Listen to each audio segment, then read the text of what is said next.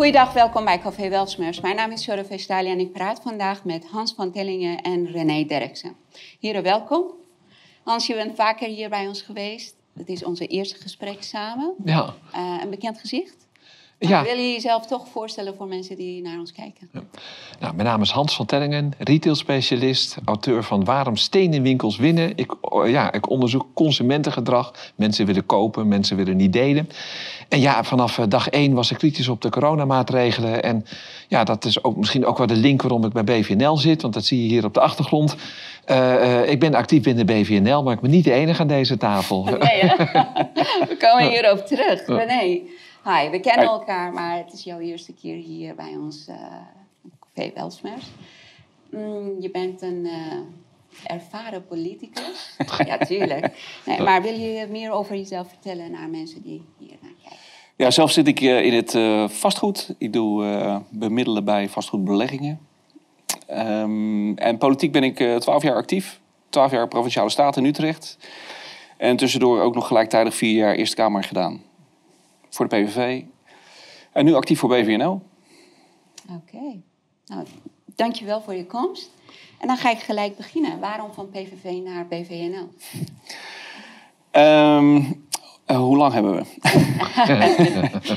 nou ja, um, als je de uh, geschiedenis een beetje kijkt naar uh, wat de PVV heeft gedaan, dan moet je tot een teleur, teleurstellende conclusie komen dat ze op de hoofdthema's ondanks vrij goede verkiezingsuitslagen uh, niets hebben bereikt. En het komt enerzijds uh, omdat het geen structuur heeft, de partij. En anderzijds dat men ook gewoon zelf die ambitie niet heeft. Tenminste, dat is mijn stellige indruk en ik ben daar zeker niet alleen in. Um, en uiteindelijk zit je niet in de politiek om een mening te verkondigen, maar ook daadwerkelijk iets voor je kiezers, vooral je eigen kiezers, te betekenen. En uh, ja, mijn gevoel is dat de PVV zijn kiezers eigenlijk volledig in de steek laat. Uh, eh, 17 jaar bestaan, goede uitslagen gehad. Um, en wat is er bereikt op immigratie, op EU, you name it? niets. En dat is erg teleurstellend. En um, dat komt denk ik voor een deel omdat er geen structuur is, geen partij is. Dat men geen kwaliteit meer aantrekt. Ook nu er partijen zijn aan de rechterflank die goede mensen wel aantrekken. Um, ik zie bij ons op de kieslijst in Utrecht, uh, daar kan ik zo twee gedeputeerden aanwijzen, zou ik maar zeggen. Um, en dat is een veel beter startpunt voor een partij om wat te bieden voor je kiezers. Dus um, uh, ja, ik denk dat dit de goede keuze is om politiek ook daadwerkelijk betekenis te geven voor, uh, voor het land. -hmm. We zijn een soort semi-collega's van elkaar. We zitten, we zitten alle drie bij BVNL. Uh, uh, ik sta ook op de kieslijst uh, provincie Utrecht. Ik ben de tweede. René is onze lijsttrekker. Jij staat niet op de kieslijsten? Ik sta wel op de kieslijst oh. voor Noord-Holland, maar ik ben er met 27, oh. bewust als laatste als uh, lijstduwer. Als bekende twitteraar, zeg maar. Nee, maar um, uh, ik sta volledig achter BVNL. Ik ben ook landelijk bestuurslid van BVNL. Maar op dit moment moet ik drie jaar coronaschade bij mijn bedrijf proberen in, in te halen. Dus daar ligt nu wel de focus, maar ik vind dat BVNL gewoon de grootste partij van Nederland moet worden. Gaat nu nog niet lukken. Al komen we wel in de Senaat. Het is mijn uh, uiterste uh, verwachting in ieder geval. En over een kleine twee jaar bij de Tweede Kamerverkiezingen... en misschien wel eerder ben ik ervan overtuigd... dat wij gewoon de grootste partij van Nederland kunnen worden. Omdat wij gewoon het programma van Nederland hebben. Nuchtere kijk op zaken, rationele oplossingen. En ja, wie wil dat nou eigenlijk niet... Je bent een, uh, echt een uh, optimist. Um, dat, dat vind ik heel erg goed. Maar mm. we zijn allemaal mee eens dat BVNL goede oplossingen heeft. En een goede partijprogramma. Mm. Mm. Ik ben zelf niet van um, partijprogramma. Want in de werkelijkheid... Kijk, als jij partijprogramma's gaat lezen van verschillende partijen... ze hebben allemaal mooie dingen erin staan. Maar in de werkelijkheid dan zie je helemaal niks van terechtkomen. Dus ik zeg altijd tegen mensen: kijk naar de stemgedrag in de Tweede Kamer. Ja. Hoe ze stemmen naar de moties. Maar um, wat was voor jou reden om jezelf aan te sluiten bij BVNL? Uh, nou, Wieberen uh, van Haga vroeg mij gewoon van Hans, wil je bestuurslid worden? nou, dat vond ik wel leuk. ja, nee, maar dat klinkt inderdaad bijna kinderlijk zelfs. Maar nee, vanaf dag 1 uh, 2020, maart 2020, ben ik kritisch op de coronamaatregelen. Ik had toen eerst 3000 volgers op Twitter, gewoon hè, over mijn vakgebied en dergelijke. En nu, ik geloof 74.000 of zo. En Uh, dat is natuurlijk zo gegroeid door me kritisch uit te laten op de coronamaatregelen, door me kritisch uit te laten op het regeringsbeleid, uh, maar wel altijd met een positieve touch uh, en ook oplossingsgericht en nooit op de man of op de vrouw. dus altijd inhoudelijk proberen te blijven. En dat is ook gewoon de toon van Wieber van Haga. En ja, eigenlijk vanaf dag één waren we al zittenmaatjes. En op een gegeven moment ging hij mijn blogs met, met allemaal oplossingen hoe we uit de coronacrisis moesten komen. En ook over andere worpen ging hij retweeten. Um, Forum vond ik zelf een stap te ver, dus ik heb me nooit bij Forum uh, aangesloten. En toen Wieberen zich heeft vrijgevochten van, van Forum, uh, eigenlijk de, de, volgende dag hingen we bij elkaar aan de lijn, ben lid geworden. En na een maand was ik zelfs bestuurslid. Dus zo is het eigenlijk gekomen. Ja. Dus je bent eigenlijk vanaf het begin bij geweest? Eigenlijk wel, ja. Nog voordat BVNL is opgericht, was ik al betrokken bij de oprichting. Dus zo kun je het eigenlijk misschien wel indirect een beetje beschouwen. En het is inderdaad het klassiek liberalisme. Dat houdt dus in vrijheid van handelen, vrijheid van ondernemen, vrijheid van meningsuiting. Economisch rechts, er is geen enkel probleem met economisch rechts eh, zijn. Ik ben natuurlijk zelf ook ondernemer, MKB'er. Uh, cultureel conservatief, soevereiniteit van Nederland is heel erg belangrijk, ook binnen Europa. Of dat nou wel of niet leidt tot uittreding, dat is nog een andere, ander onderwerp. En voor de rest, klassiek liberaal in die zin hoe jij je eigen leven indeelt echt werkelijk waar, het, het boeit me niet. Dat moet je helemaal zelf weten. Of mensen een kleurtje hebben, boeit me eigenlijk ook niet. Of mensen een bepaalde seksuele voorkeur hebben, boeit me eigenlijk ook niet. Alleen schiet niet door naar het hele woken gebeuren. Maar leef je eigen leven, deel je eigen leven in. En dat vind ja, dat vind ik allemaal terug bij BVNL en veel minder bij andere partijen. En wat was voor jou een reden om uh, bij BVNL aan te sluiten? Nou, wat ik je zo even al zei, uh, ik denk dat er het een partij is die ook daadwerkelijk uh, het verschil zou kunnen gaan maken en ook bestuursverantwoordelijkheid wil nemen. We zagen het in Voorne aan Zee. Daar hebben we een fantastische wethouders zitten. Ja. Nu al, de partij is, is net geboren. Ja. Uh, en daar kan je klaarblijkelijk zaken doen. Uh, bijvoorbeeld om, om, er geen windmolens meer te plaatsen daar. Dus dat is winst voor de inwoners. En dan betekent je wat voor je inwoners. Dus dat is voor mij echt wel een drijfveer. Dat we een club hebben met mensen die uh, wat kunnen. Eh, dat vind ik heel belangrijk. Maar die ook willen. En je zal altijd compromissen moeten sluiten. Uh, dat begrijpt iedereen. Uh, het moet niet zo verwateren dat, ze, dat je de wijn niet meer proeft. Uh, maar je moet wel meedoen. Want als je die meedoet, dan doe je, doe je ook niks voor je kiezers. En dan moet je, wat mij betreft, ook de politiek niet ingaan. Want alleen roepen uh, dat je, wat, je, wat je vindt en wat je wil, dat is niet voldoende. Je moet ook met de hand aan de ploeg om te zorgen dat er wat verandert.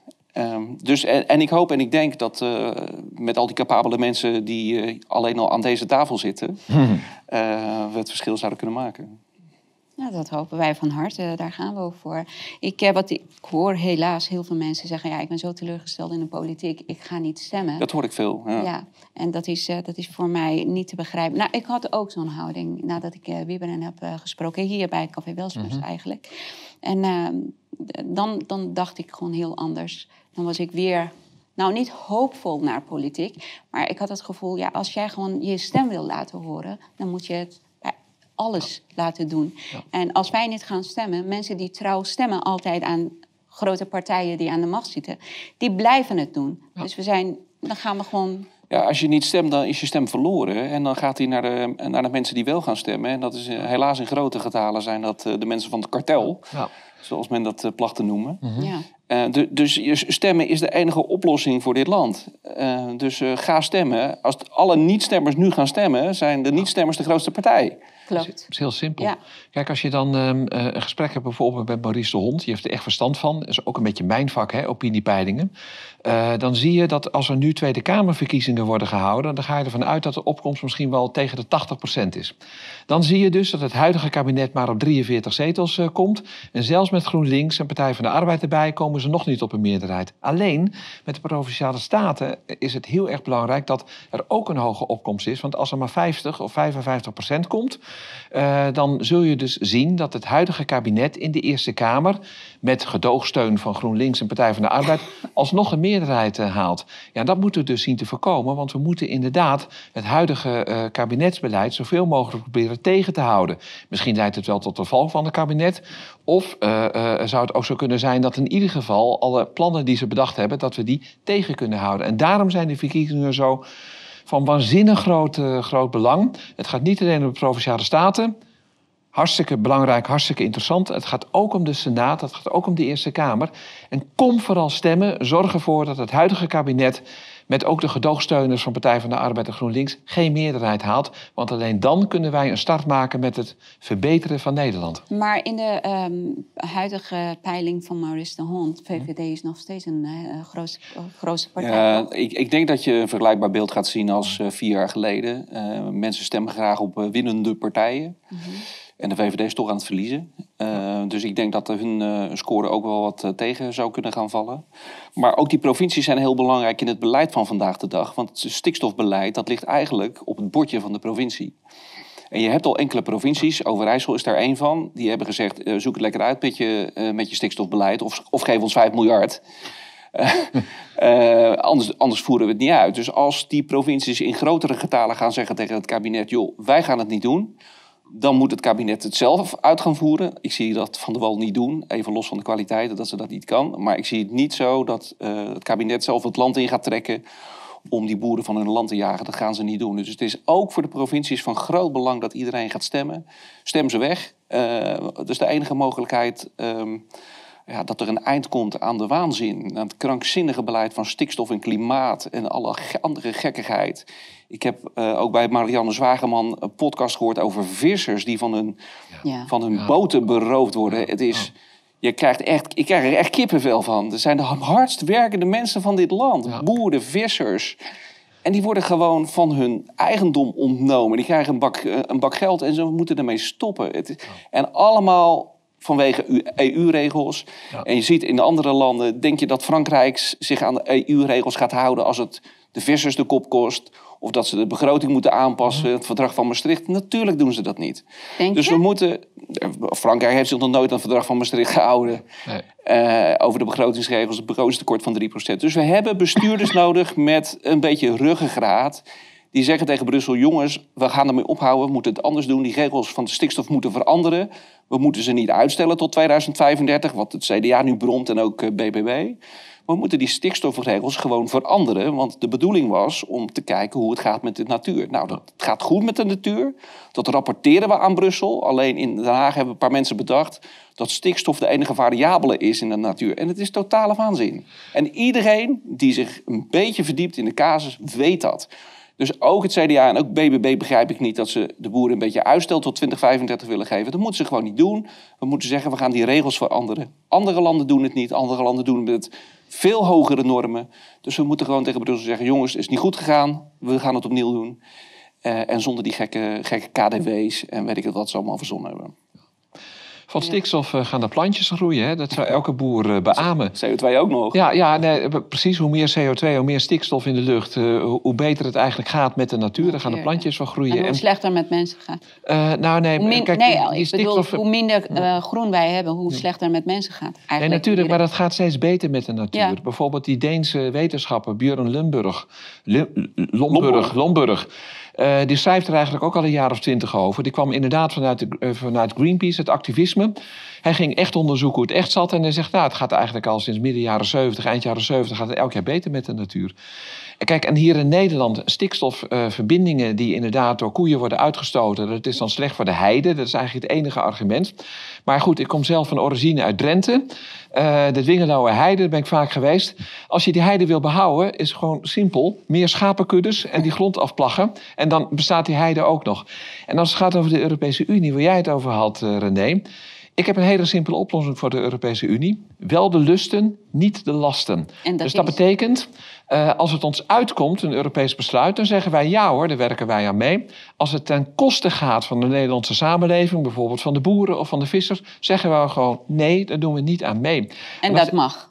Nou, als elk land dat doet, ga je eigenlijk weer terug naar een soort Europese economische gemeenschap van, de, van 30, 35 jaar geleden. Daar was ik helemaal niet op tegen. Daar was ik, was ik eigenlijk gewoon wel voor, want samenwerking is prima. Maar als ieder land gewoon kiest voor zichzelf en zegt van ja, uh, uh, en er zijn best wel, veel overeens, best wel veel onderwerpen waar overeenstemming over is, dan heb je eigenlijk gewoon de ideale, ideale toestand. Nou, en mocht het nou niet zo zijn dat men zegt van, of mocht het nou zo zijn dat men zegt van ja, Nederland, je moet gewoon, uh, je moet gewoon doen wat we zeggen. En wij zeggen van nee, dat doen we lekker niet. Denken ze, denk je dat ze ons uit de EU gaan kicken? Nee, natuurlijk niet. E- Nederland is een heel klein landje, maar we zijn de economische wereldmacht. Ze willen niet zonder ons, ze kunnen niet zonder ons. Dus we kunnen wat dat betreft gewoon blijven.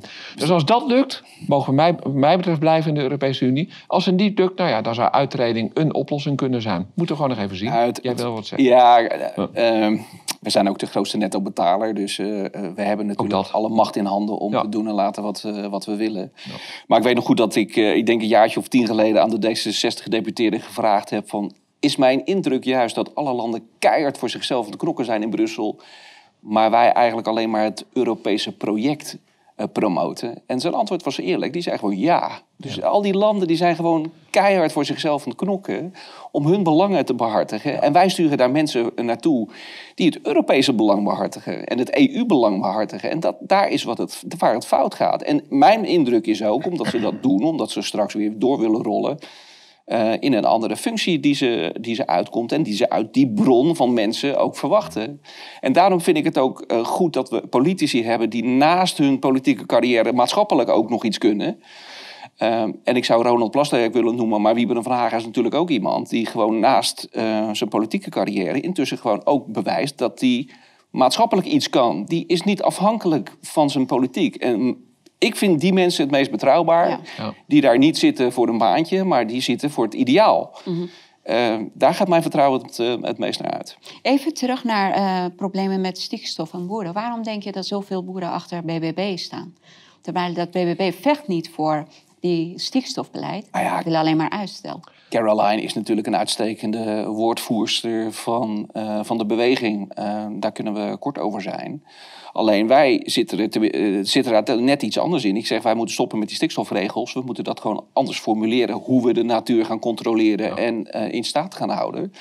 En twee, um, ik heb ze ook zien zeggen dat ze het wel oké okay vindt als boeren vrijwillig worden uitgekocht. Hmm. En ik denk dan, ja, maar dat is wel belastinggeld. Ja. Ja. En waarom willen die mensen zich laten uitkopen? Omdat ze het zat zijn om ja. lastig te worden. Omdat ze lastig gevallen worden door regelterreur uit Brussel en, en, en Den Haag. Dus we moeten ondernemers in het algemeen en boeren in het bijzonder gewoon steunen met normale regels die hun bedrijfsvoering gewoon ondersteunen. Um, en ja, als je, ik, ik heb, bij ons in, in, in de provincie hebben we al vier maanden lang echt letterlijk huilende boeren in commissies. En ik zit dan rond te kijken en ik denk, en ik kijk al die mensen aan. Ik denk, hoe kunnen jullie dit laten gebeuren in hemelsnaam? Dit zijn de hardwerkende, meest hardwerkende mensen van het land. Ja. En die zitten gewoon maand in, maand uit bij ons te janken in de commissie. En jullie gaan dadelijk lekker naar huis en het is weer klaar. Ja. Ik vind het onbestaanbaar. Ja. Ik heb wel dus... uh, zijn debat meegemaakt uh, in de provinciale okay. staat. En we moeten echt trots op hem. En we moeten af van die regels. Uh, en we moeten achter die boeren gaan staan. we moeten ze ook niet uitkopen. We moeten achter ze gaan staan. Zodat ze gewoon door kunnen boeren. En dat de regels zo zijn dat ze gewoon opvolging hebben. Dat is de lijn uh, die ik voorsta. En waarom? Dat is beter voor de wereld. Wij hebben de beste ja. boeren ter wereld. De schoonste, de duurzaamste, de efficiëntste boeren ter wereld. Als onze boeren het niet doen, dan doen andere boeren het in andere landen. En die zijn lang niet zo goed als onze boeren. Het is beter voor de planeet dat onze boeren gewoon door kunnen gaan. En stikstofprobleem, uh, uh, dit kan wel op provinciale niveau tegen worden gehouden dus. Nou ja, de provincie wordt geacht in gebiedsprocessen uh, deals te sluiten met de agrarische sector. Ja, eigenlijk toch om ze gewoon weg te sturen. We hadden in Kamerik uh, een bijeenkomst met gedeputeerden van Zuid-Holland en Utrecht, beide van het CDA. En die kwamen daar uh, tegen de boeren vertellen: ja, de emissie bij de, uh, de, de plassen die er zijn, Noordko Noordwijkse plassen, Nieuwkoopse, Nieuwkoopse plassen, ja, ja. dat waren ze. En die zeiden: die emissie moet naar nul. Dus eigenlijk zeiden ze die boeren, tegen die boeren: jullie moeten weg. Ja. Ja. Grote paniek in de tent, grote ruzie, uh, stekkers uit de gesprekken getrokken. Ja. Dus dit is wat er nu nog steeds gebeurt. En die provincies laten zich voor het karretje spannen. En die provincies moeten tegen Den Haag zeggen: jongens, zoek het lekker uit. Dit is zo asociaal. En het heeft geen enkele zin, hè, want het gaat hartstikke goed met de natuur. Ja. Dus we stoppen ermee. Het is puur communisme. Onteigening van, Absoluut, uh, van bedrijven, ja. onteigening van uh, bezit van mensen. Het is hun hele bestaan. En waarvoor? Ik zou het niet weten, want ik bedoel, laat onze boeren gewoon maar doorgaan. Dat is beter voor de planeet, heb ik zojuist al gezegd. Het is puur neocommunisme waar men mee bezig is. En het is dus ook VVD-beleid. Het is gewoon een schande. En ook CDA-beleid, wat eigenlijk de Partij van de Boeren was uh, vroeger. Was. Hè? Ja, ja, nee, ja, precies. Ja. Uh, en ik snap niet dat die partijen dat zelf ook gewoon niet, uh, niet willen inzien. Dat het gewoon catastrofaal is. En jij had het over huidende boeren. Er zijn ook gewoon boeren die hebben zelfmoord gepleegd. Ja, er zijn echt hele concrete voorbeelden. Nou, onze minister Christiane van der Wal die zegt van het is niet waar. Nou, dat is gewoon wel waar. Ik bedoel, de, de bewijzen zijn er. Dus ja, daar is men mee bezig. Ik snap niet dat die mensen geen vroeging krijgen of last van hun geweten of wat ja, dan ook. Het is onvoorstelbaar. Ja, stikstof is niet alleen voor de boeren uh, ja. een probleem, maar het is ook heel veel probleem voor de woningbouw. En... Ja, dat, nou ja, dan kom je weer terug. Het zit in modellen. en ja, zolang we aan die modellen blijven plakken, kan er niks. Uh, kijk, en die boeren ook, die, die moeten intussen bureaus inhuren om uh, te komen tot bedrijfsvoering. Want ze hebben zoveel regels verzonnen dat, ze het zelf niet, dat niemand het meer kan. En dat geldt ook met die gekke modelletjes. Ja. Ik zit in het vastgoed en ik spreek ontwikkelaars en die zeggen... Uh, die moeten dan ook weer zo'n bureau inhuren die dat modelletje moet uh, uitrekenen. En dat komt dan soms niet uit. En dan zeggen ze, nou ja, weet je, dan laten we de bouwmaterialen buiten de bouwplaats brengen. Dan klopt het net wel. Of we zeggen dat we met een elektrische auto komen. Gaat niemand nooit controleren, dus dan klopt het wel. Dus we leven in een totale schijnwereld met modelletjes. Alsof er dan ergens een plantje gaat groeien als je de bakstenen wel of niet op het bouwterrein brengt. Het is, het is van een kinderlijke debiliteit die... Ik, ik heb er geen woorden voor. Dat is met alle onderwerpen zo. Dat was Precies. met corona zo. Zogenaamd zouden lockdowns wel positieve effecten hebben. Dat is allemaal met gefingeerde data, geen echte data. Echte data, uh, uh, gerealiseerde data, wijst uit dat de lockdowns veel meer kwaad deden dan dat ze goed deden. Maar hetzelfde gaat voor klimaat. Het hele IPCC-rapport, dat zijn allemaal aannames. Zo van. Ja, ik bedoel, als dit en dit en dit en dit gaat gebeuren, dan verwachten wij even met een factor 4 dat het 4 graden warmer gaat worden in het ergste geval. Onzin. Uh, als je terugkijkt uh, naar 1850 is de temperatuur in Nederland met 1,2 graden gestegen. Dus niet harder, is ook niet minder hard dan in andere gebieden. Het is waar, sinds 1850 is de temperatuur gestegen. Uh, en er is helemaal geen enkele reden om te denken dat dat sneller opeens gaat. Hetzelfde gaat voor de, voor de zeespiegel. die stijgt met 18 tot 19 millimeter.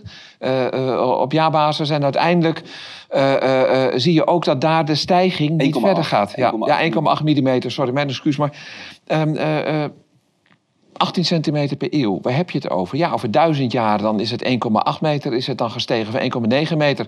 Dat kunnen we nog wel handelen. Maar ja, als dat zo doorgaat, misschien over een aantal duizend jaar niet. Maar ja, we liggen ook onder de zeespiegel. Maar het heeft helemaal niks met klimaat te maken.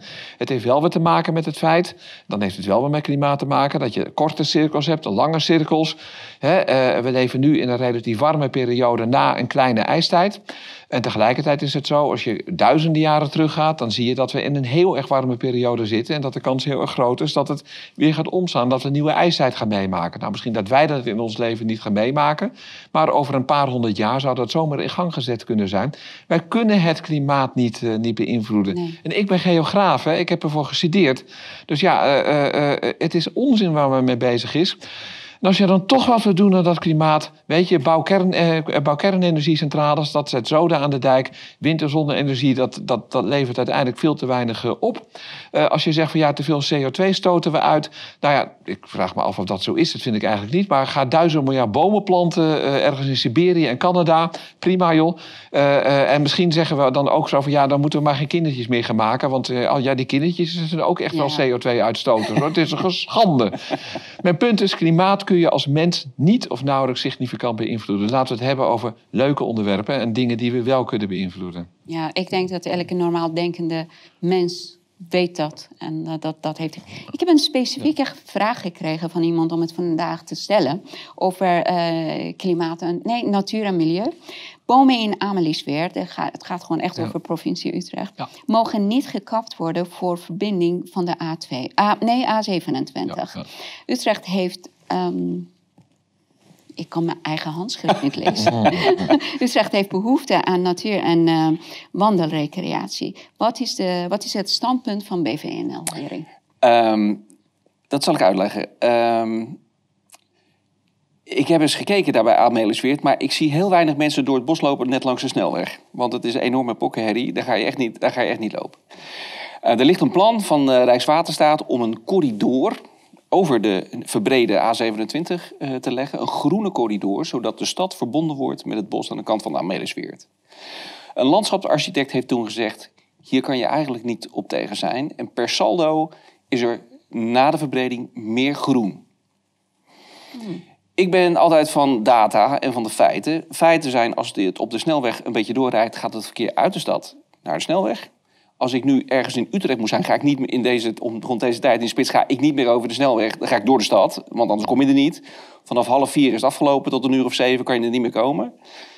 Um, dus het onttrekt uh, verkeer uit de stad, rustiger in de stad, goed voor de luchtkwaliteit in de stad. Rijdende auto's is ook beter dan stilstaande auto's in de file.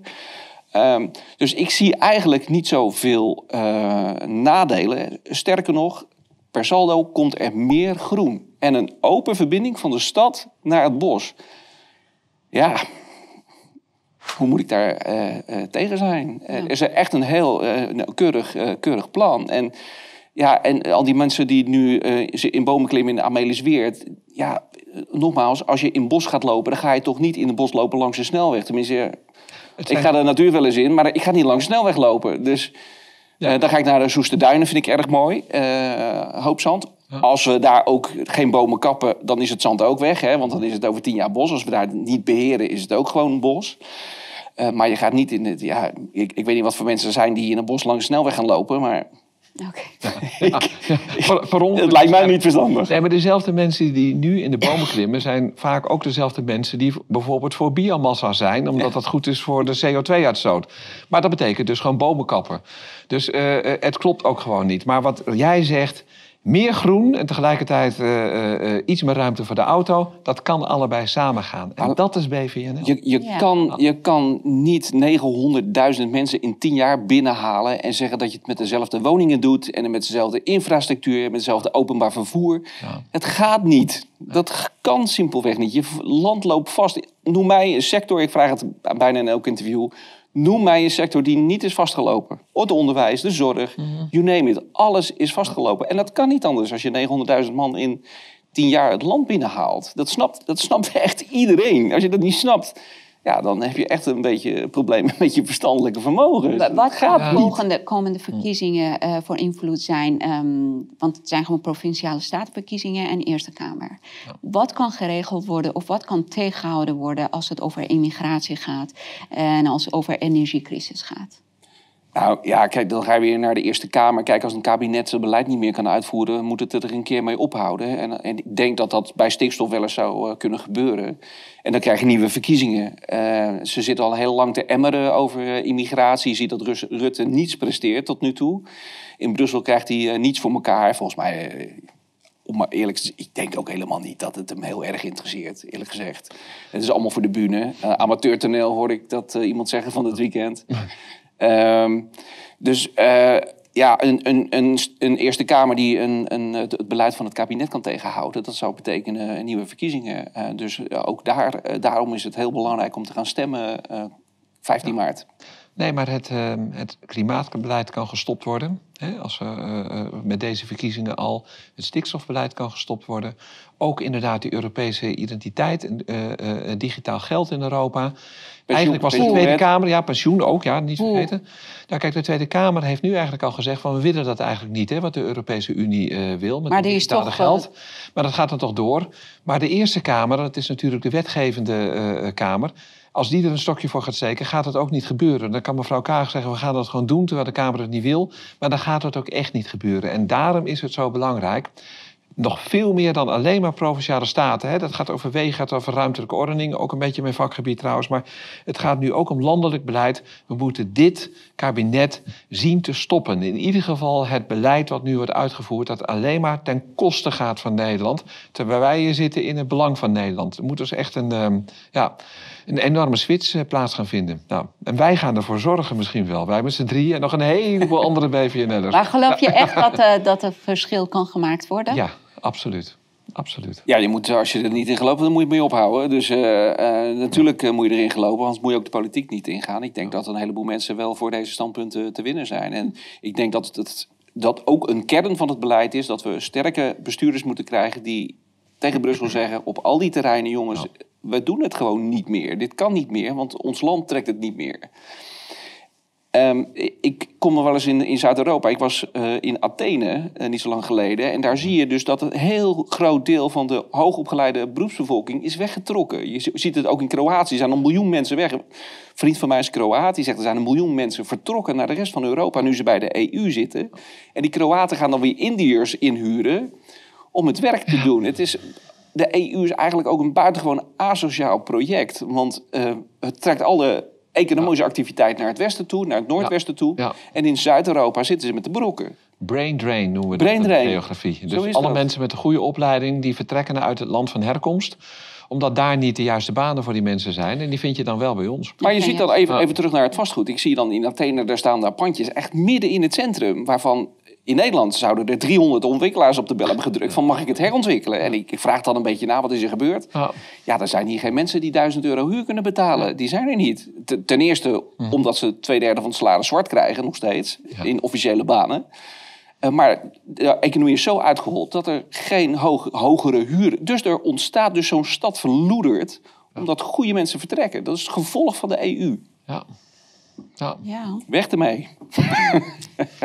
maar word je niet gefrustreerd, eh, René? Je zei wij, lachen 12 toch, jaar... wij lachen toch altijd, Jure? Ja, dat klopt, dat klopt. Maar je bent 12 jaar bezig en je ziet dat het alleen maar bergafwaarts gaat. Ja, jij blijft een optimist, dat weet ik. Ja, karaktertrek, je kan er niks aan doen. nou, ik, ik, ik, ben misschien iets minder optimistisch als Hans, maar uh, ik heb wel altijd gezegd, uh, in alles wat je doet moet je wel lol hebben, want anders wordt het leven wel heel erg donker. Uh, dus ik maak overal wel lol met iedereen die, uh, die erbij betrokken is. Uh, maar politiek is het natuurlijk best wel frustrerend om aan zo'n doodlinks paard te trekken in de provincie Utrecht. Ja. En ik zat dan ook nog bij een partij die niet wilde. Dat was ook een, een dood paard waar je aan zat te trekken wat niet wilde. Ja. Uh, en toen kwam BVNL, dus toen dacht ik, nou ja, laten we uh, proberen er echt wat verandering in te krijgen. Ja? Jij wilde ook over jaarrekeningen hebben. Nou ja, kijk, over het provinciaal beleid. Kijk, uh, we hebben natuurlijk veel al over landelijk beleid. Ehm, maar er gaat in zo'n provincie zelf ook nog eens een keer wel wat mis. Ehm, wij hebben nogal wat dingen op de agenda gekregen. Ook in de oppositie kan je best wel een hoop betekenen voor mensen die ja, uh, platgewalst worden door de overheid. Ik heb een bodemverontreiniging gehad in Doorn, waar mensen uh, eigenlijk uit het huis, moesten, terwijl de rapporten lagen al jarenlang dat er wat aan die bodemvervuiling moest gebeuren. Ja. Uh, nou, nog wat andere technische dingen die een beetje veel tijd kosten om dat uit te leggen. Maar we hadden ook een provincie die zoveel mensen, goede mensen had weggestuurd op de financiële afdeling, dat we jarenlang geen jaarrekeningen meer hadden. Uh, en dan denken, ja, uh, we moeten toch ook wel bestuurders uh, in het zadel helpen die wat kunnen. Ja. en niet alleen omdat ze een, een lidmaatschapskaart hebben van een bepaalde politieke partij. We zijn onder curatele geweest van het, van het ministerie als provincie. Ja, om, omdat niemand de boeken meer bijhield. zeg maar, ik chargeer een beetje, maar dat is wat er gebeurde. We hebben vastgoed ja, in Utrecht. En de provincie uh, Utrecht heeft, dat is al ietsje langer geleden, dit huidige provinciehuis gekocht. Uh, toen zat er een VVD-gedeputeerde. Mm -hmm. Die kocht toen van uh, Gerrit Salm, VVD'er oh, ja. bij de ABN AMRO en Fortis, een gebouw zonder taxatierapport. Ja. Ja. En ik heb dat tien keer gevraagd. Dat werd eerst tien keer ontkeeld. Maar, maar er was dus geen taxatierapport. Dus je kan je ook in de oppositie best wel nuttig maken voor het maatschappelijk belang. En ook om de organisatie gewoon te versterken door kritisch te zijn. Dus uh, die rol uh, heb ik eh, twaalf jaar gespeeld. Uh, en dat is, best, dat is ook wel nuttig om, om de organisatie echt ja. wel te verbeteren. Ja, maar ons plan is natuurlijk om vanuit de oppositie uiteindelijk ook gewoon... Het beleid te veranderen. Het beleid te gaan veranderen in de regering, of in het kabinet... of als gedeputeerde bijvoorbeeld in de provincie. Ik, uh, ik moest lachen, want als jij het uh, partijprogramma van uh, eh, VVD leest... en als je ziet wat VVD, hoe VVD zich gedraagt in de Tweede Kamer... VVD is eigenlijk oppositie van zijn eigen partijprogramma. Ja. Ja, nee, dus, Het partijprogramma uh, kan ik me voor uh, in grote lijnen best wel redelijk in vinden. Alleen als je kijkt naar het echte stemgedrag, dan is VVD gewoon een heel erg linkse partij ja. geworden. De VVD is de linkse wolk. Ja, ja, dat klopt. Ja, vandaar ook dat rare debat van de linkse wolk, linksom of rechtsom. Dat slaat eigenlijk nergens op. Want linksom het is links tegen ultralinks. ja, precies. Er is wel één ding dat ik wil aan, aan jullie vragen. Het is een, want ik zeg, kijk niet naar partijprogramma, maar kijk hoe het gestemd wordt in de mhm. Tweede Kamer naar de moties. Er is wel één ding. Ehm, de motie Leon de Jong over de BTW op boodschappen en energie verlagen naar 0%. De huren verlagen en het eigen risico afschaffen. BVNL is, of Groep van Haga heeft tegengestemd. En ehm, dat heeft heel veel vraagtekens bij mensen naar boven gebracht. Wat is hier de reden van? Nou, de reden is dat Wieber een uh, kennis heeft van de markt in, uh, in het, van, het, van, het, vastgoed. Er zijn veel moties geweest over lage energiebelasting. Daar heeft BVNL of Groep van Haga allemaal voorgestemd. Ook voor de lagere BTW op boodschappen. Mhm. Het gaat hier om, om de lagere huren. En het is natuurlijk heel makkelijk om te roepen lagere huren. Ehm, maar dan moet je wel weten hoe de markt in elkaar zit. en Wieberen weet dat. Ehm, en dan weten misschien nog een paar mensen, maar niet zo heel veel mensen in de Kamer. Uh, kijk, je hebt uh, sociale woningen die uh, worden geëxploiteerd door corporaties over het algemeen. Daar krijgen mensen al huurtoeslag als ze weinig verdienen en de huur moeten betalen. dus hoe kan je daar dan nog de huur verlagen? Want die mensen, als ze heel weinig verdienen, die betalen een paar honderd euro, 300, 400 euro.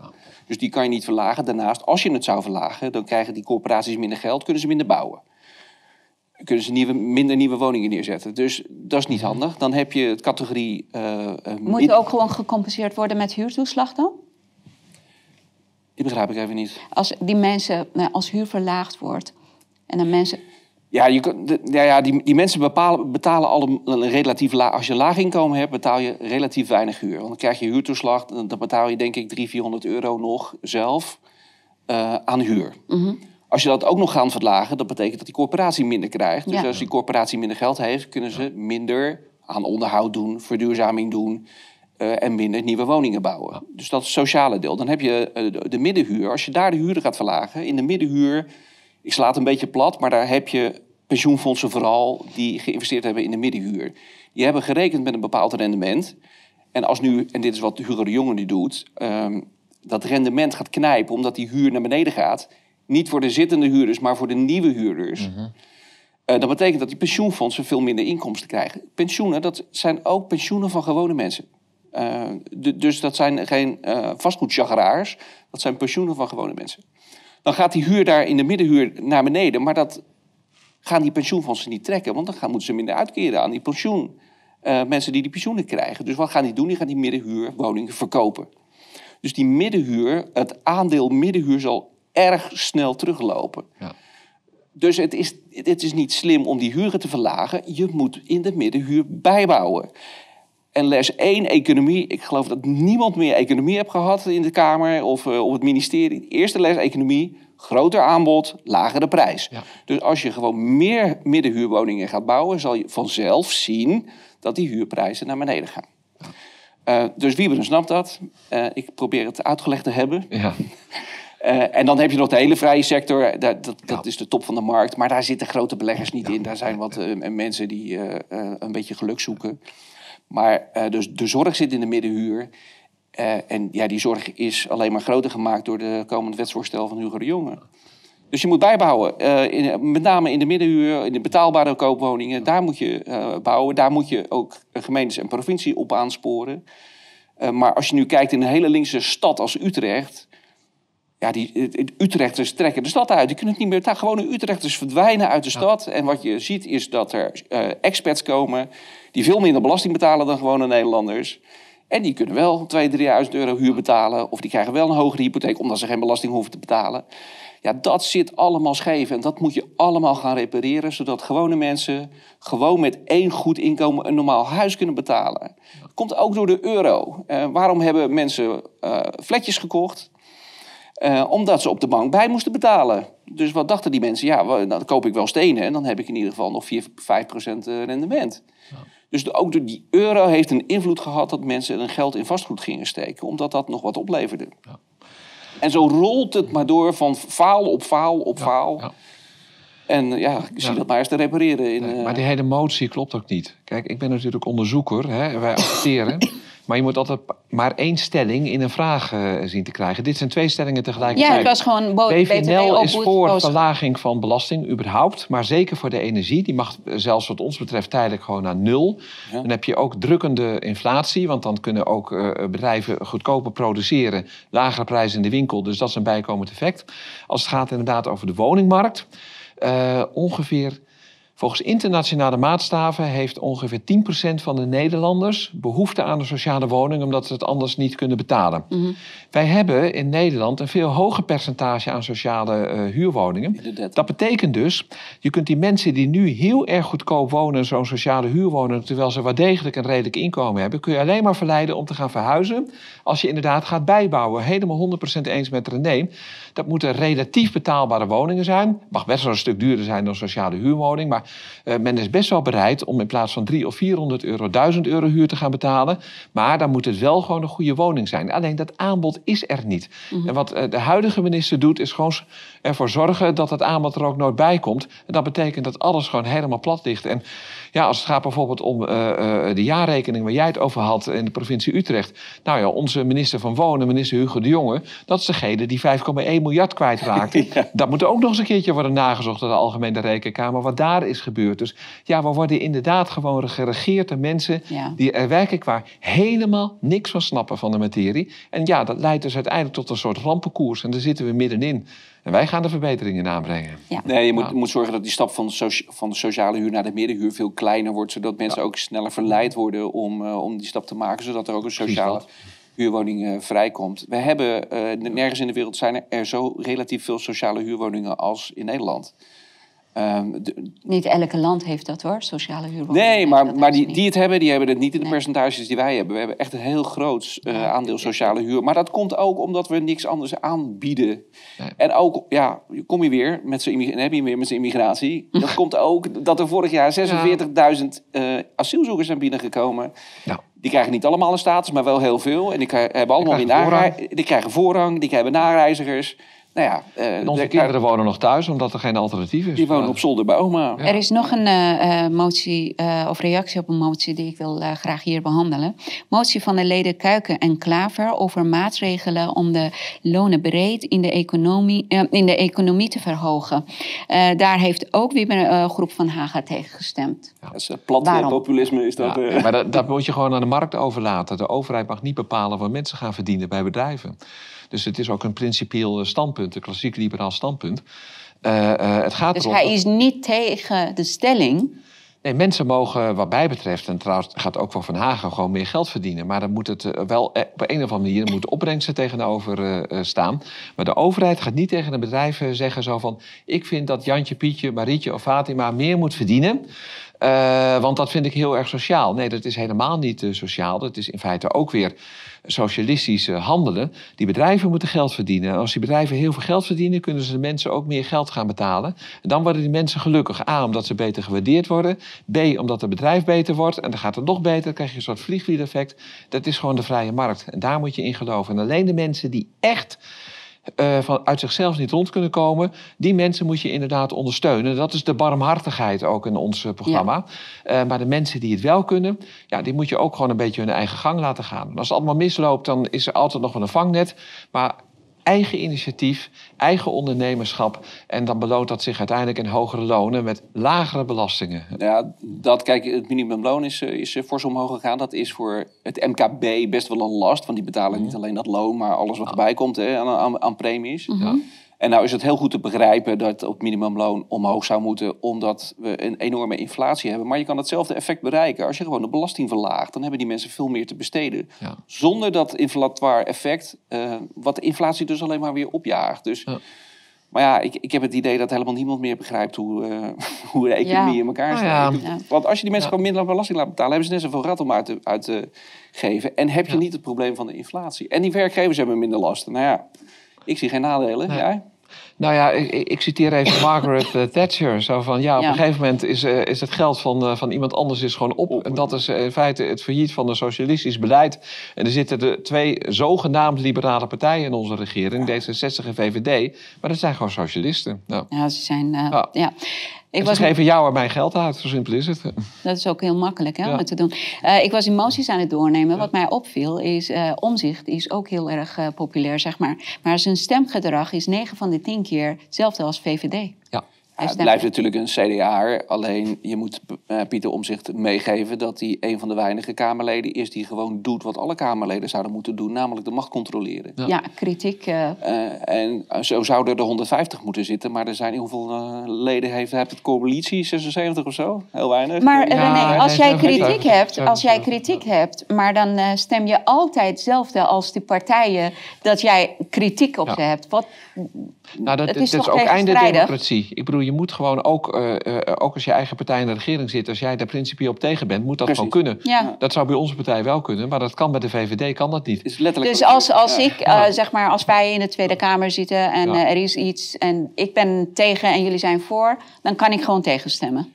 Ja, volgens mij zou je die vrijheid uh, moeten hebben. Tenzij we met de, van tevoren met z'n uh, allen hebben afgesproken dat we uh, met andere partijen zouden moeten mm, op bepaalde onderwerpen. Snap ik, maar dan nog zeg ik princi principieel standpunt, dan zou dat moeten kunnen. Als jij gewetensbezwaren hebt of je bent er echt op tegen, be my guest. Ja.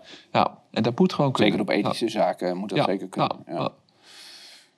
Zijn er nog dingen die wij toch willen benadrukken of benoemen? Dat mensen moeten gaan stemmen. Ja, dat is echt het belangrijkste wat je voor het land kan betekenen op dit moment, 15 maart stemmen. Heb jij een voorkeur? Uh, een voorkeur van nummer 2 op de lijst in Utrecht. Oh. Oh, wat aardig, wat aardig van je. Ik ga wel op jou stemmen. Nou, ja. dankjewel. Ja. ja. Nou, ik kan niet op jullie stemmen. Ik, ik woon in een andere provincie. Je kan wel tijdelijk uh, inschrijven. In het, oh, nee, nee, nee, maar ik sta zelf al op de lijst van Noord-Holland. Dus dat, ik denk niet dat dat kan. Nee, maar je staat wel op de lijst van de Eerste Kamer, toch? Ja, ik sta nummer 7, geloof ik. Nou, dat op 27? Nee, nee, nee. ik sta 27 op uh, de lijst van Noord-Holland. Oh, als laatste, okay, heel bewust lijstduwer. En voor de Senaat, de Eerste Kamer, sta ik op nummer 7. Maar dat, dat, dat, dat, dat gaat nog niet lukken. Maar over vier jaar, uh, dan gaat dat zeker lukken. Dan gaan wij ook de grootste worden. Over vier jaar, ja, of over twee jaar? Ja, over twee jaar bij de Tweede Kamerverkiezingen sowieso. En over vier jaar bij de Eerste Kamerverkiezingen... dan uh, komen wij ook met, uh, met meer dan zeven zetels in de Eerste Kamer te zitten. We zijn nu gewoon blij met één of twee zetels. En we gaan dat gewoon voor elkaar zien te krijgen. Amen. Amen. Amen. Nou, om in het belang van het land uh, bezig te zijn, moet je eerst van het land houden. Dus kijk welke politicus echt heeft bewezen dat hij van Nederland houdt. En stem zeker op 15 maart op de juiste partij. Bedankt voor het kijken en graag tot de volgende keer.